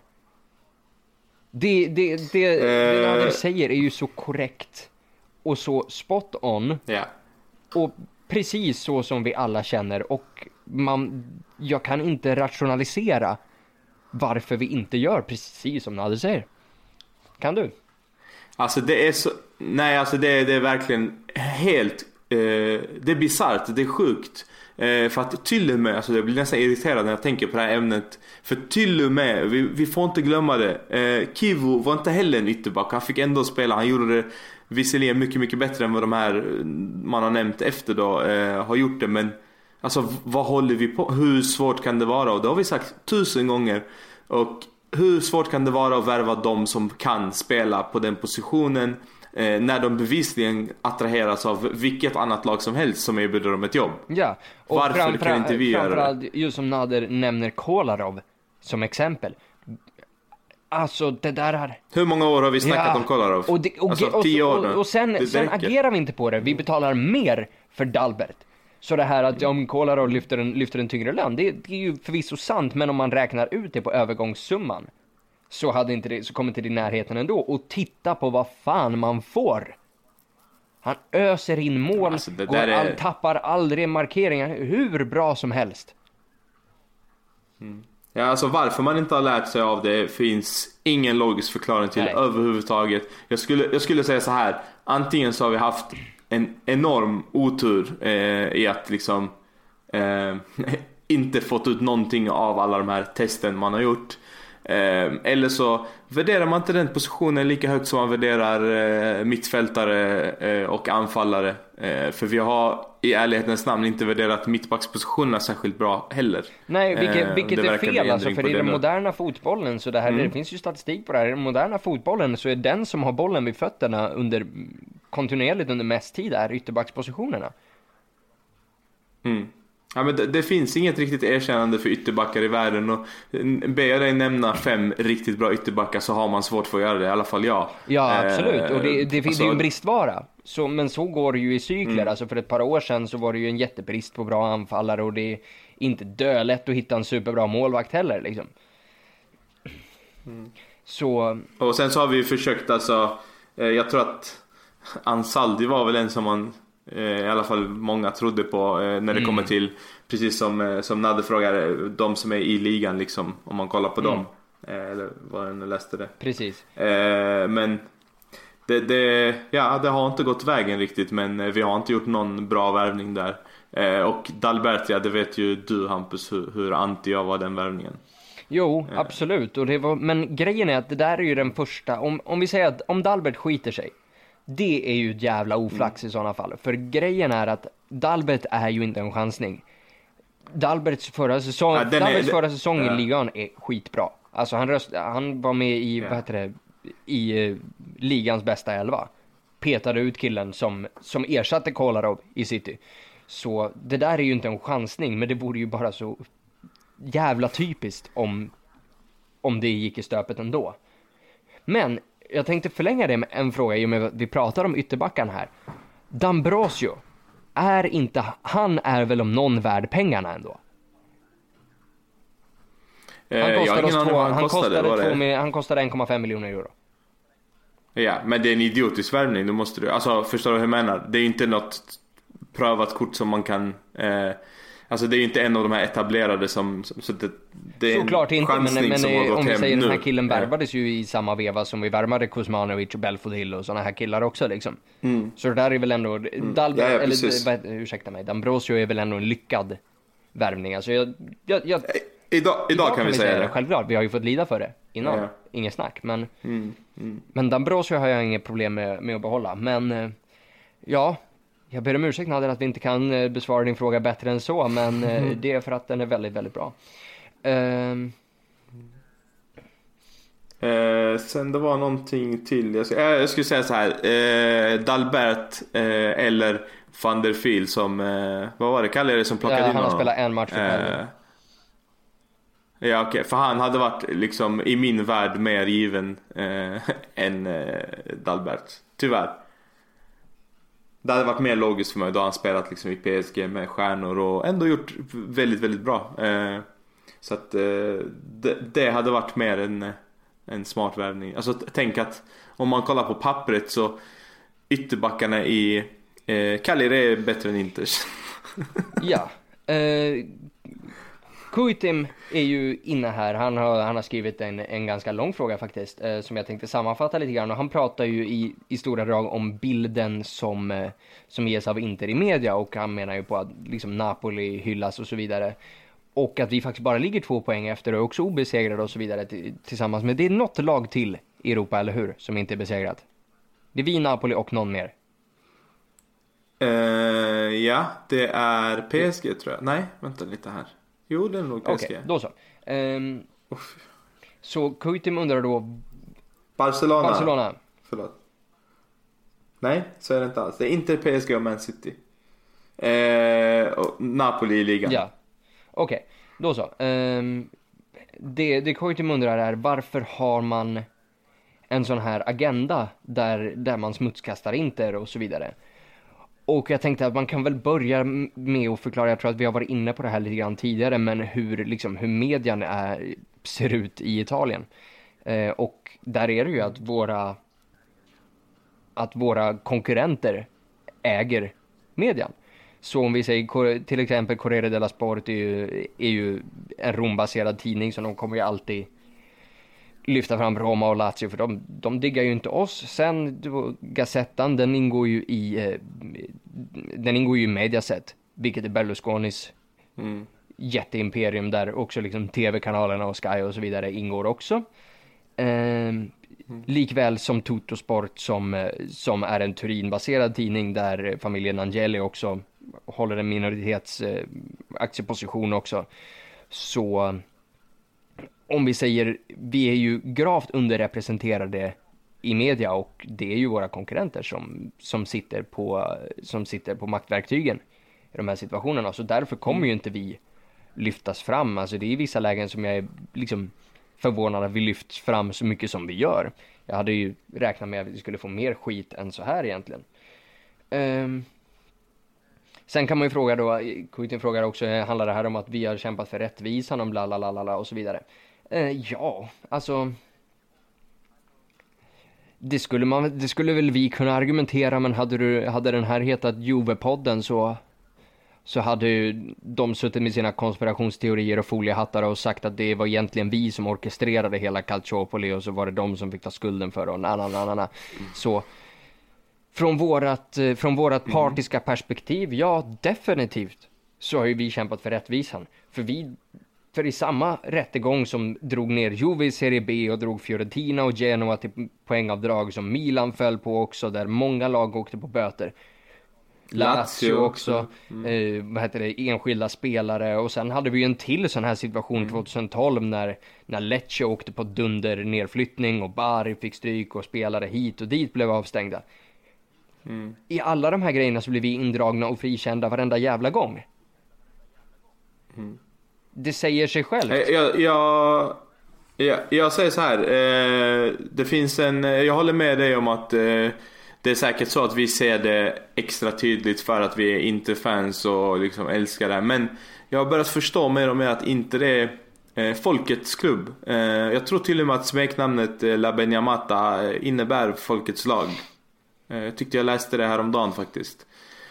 Och att det är det som, alltså det är nästan som, vad ska man säga, David mot Goliat. Eh, vi är underdogs. Eh, vad vi än gör kommer vi vara underdogs. Och, eh, alltså att, att vi har flest eh, fans på arenan i Serie A varje jävla säsong eh, bevisar att det är det som gör oss starka och det är det som gör oss unika och det är det som gör att vi sticker ut. Ja, och, om man, Eh, och där, Embrace Ja, it! pre- precis, det var precis det jag skulle komma till. För även där, alltså traditionellt så har ju inte det inte varit folkets klubb, utan liksom traditionellt varit liksom den italienska medelklassen och uppåt och så vidare, medan Milan har varit liksom arbetarklassens lag.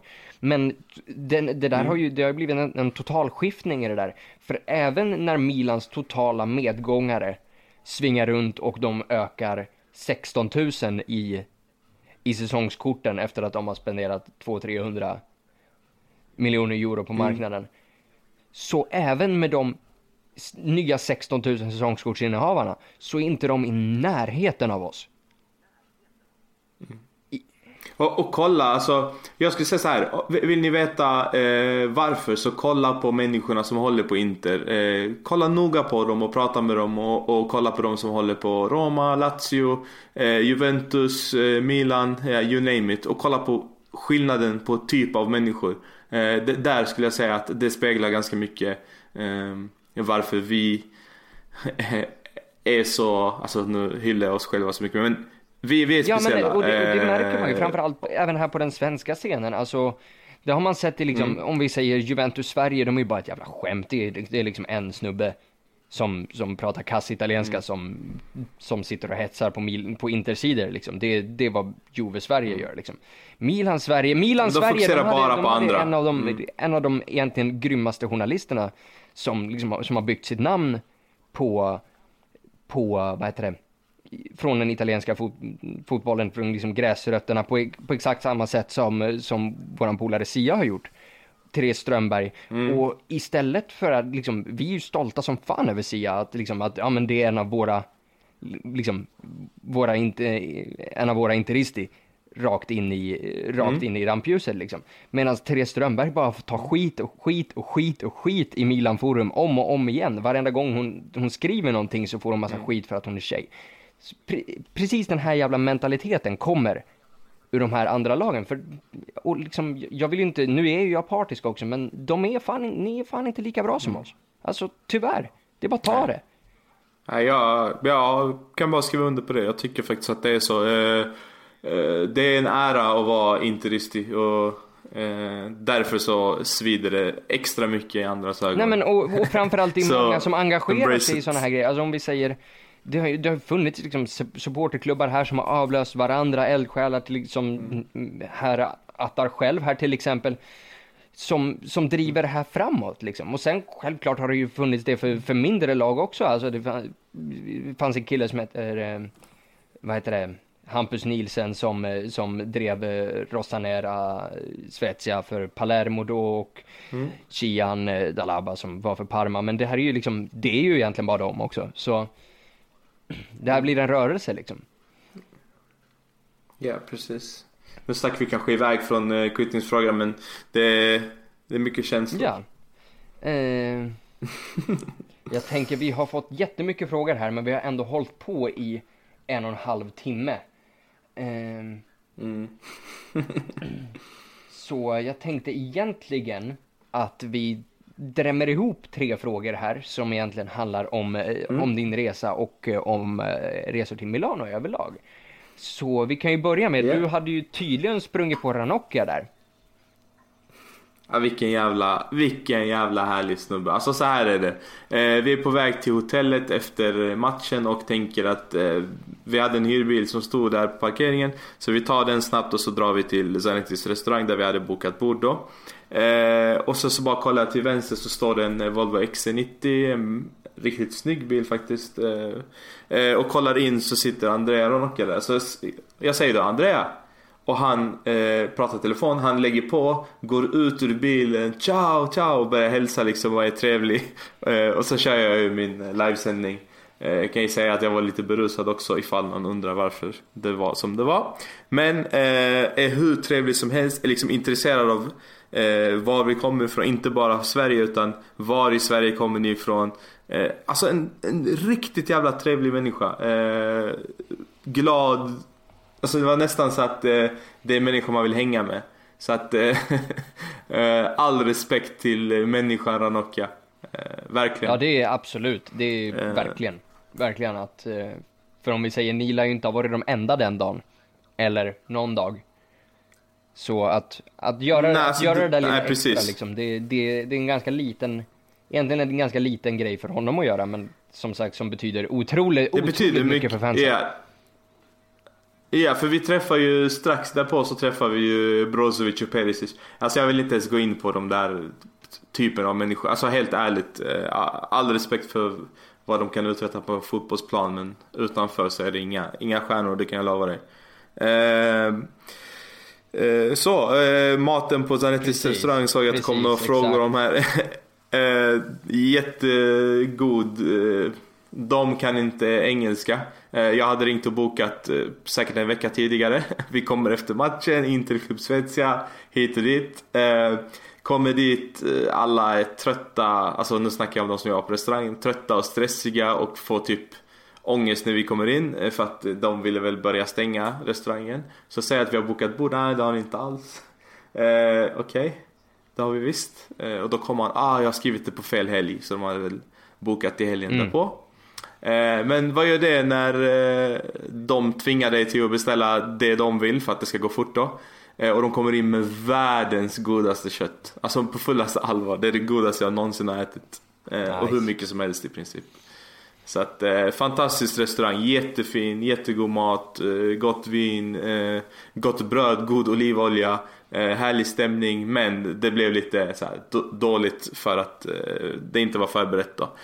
Men det, det, det är liksom, alla kan ha en dålig dag så det är inga problem så. Ja, eh, det, och det här hänger ju ihop då med frågan om ni hade tänkt anordna en medlemsresa till, till Inter-Juve-matchen. Då kanske Gaucho blir en del av det kanske, eller?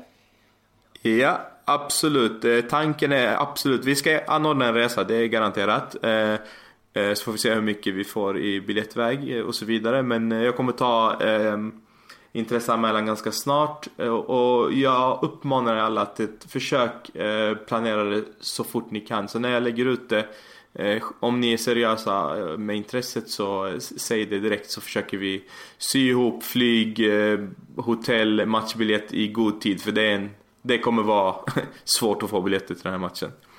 Och eh, jag ska absolut försöka göra så att vi får bord på Gaucho då. Eh, och det hänger ihop där. Har vi tillräckligt med information i förtid så kommer vi eh, köra. Ja men då får du kanske boka för att du kan italienska. Det, det, kan, vi säkert, eh, det kan vi säkert lösa. Yes. Alright, och med de orden så börjar vi avrunda för eh, ikväll. Eh, Tack så Mm. jättemycket för att ni har lyssnat och eh, för era fina frågor och så hörs vi igen efter den framtida förhoppningsvis slaktmatchen mot Cagliari. Avvediamo dopo. Yes, tack så jättemycket. Ha det bra. Ciao. Ciao.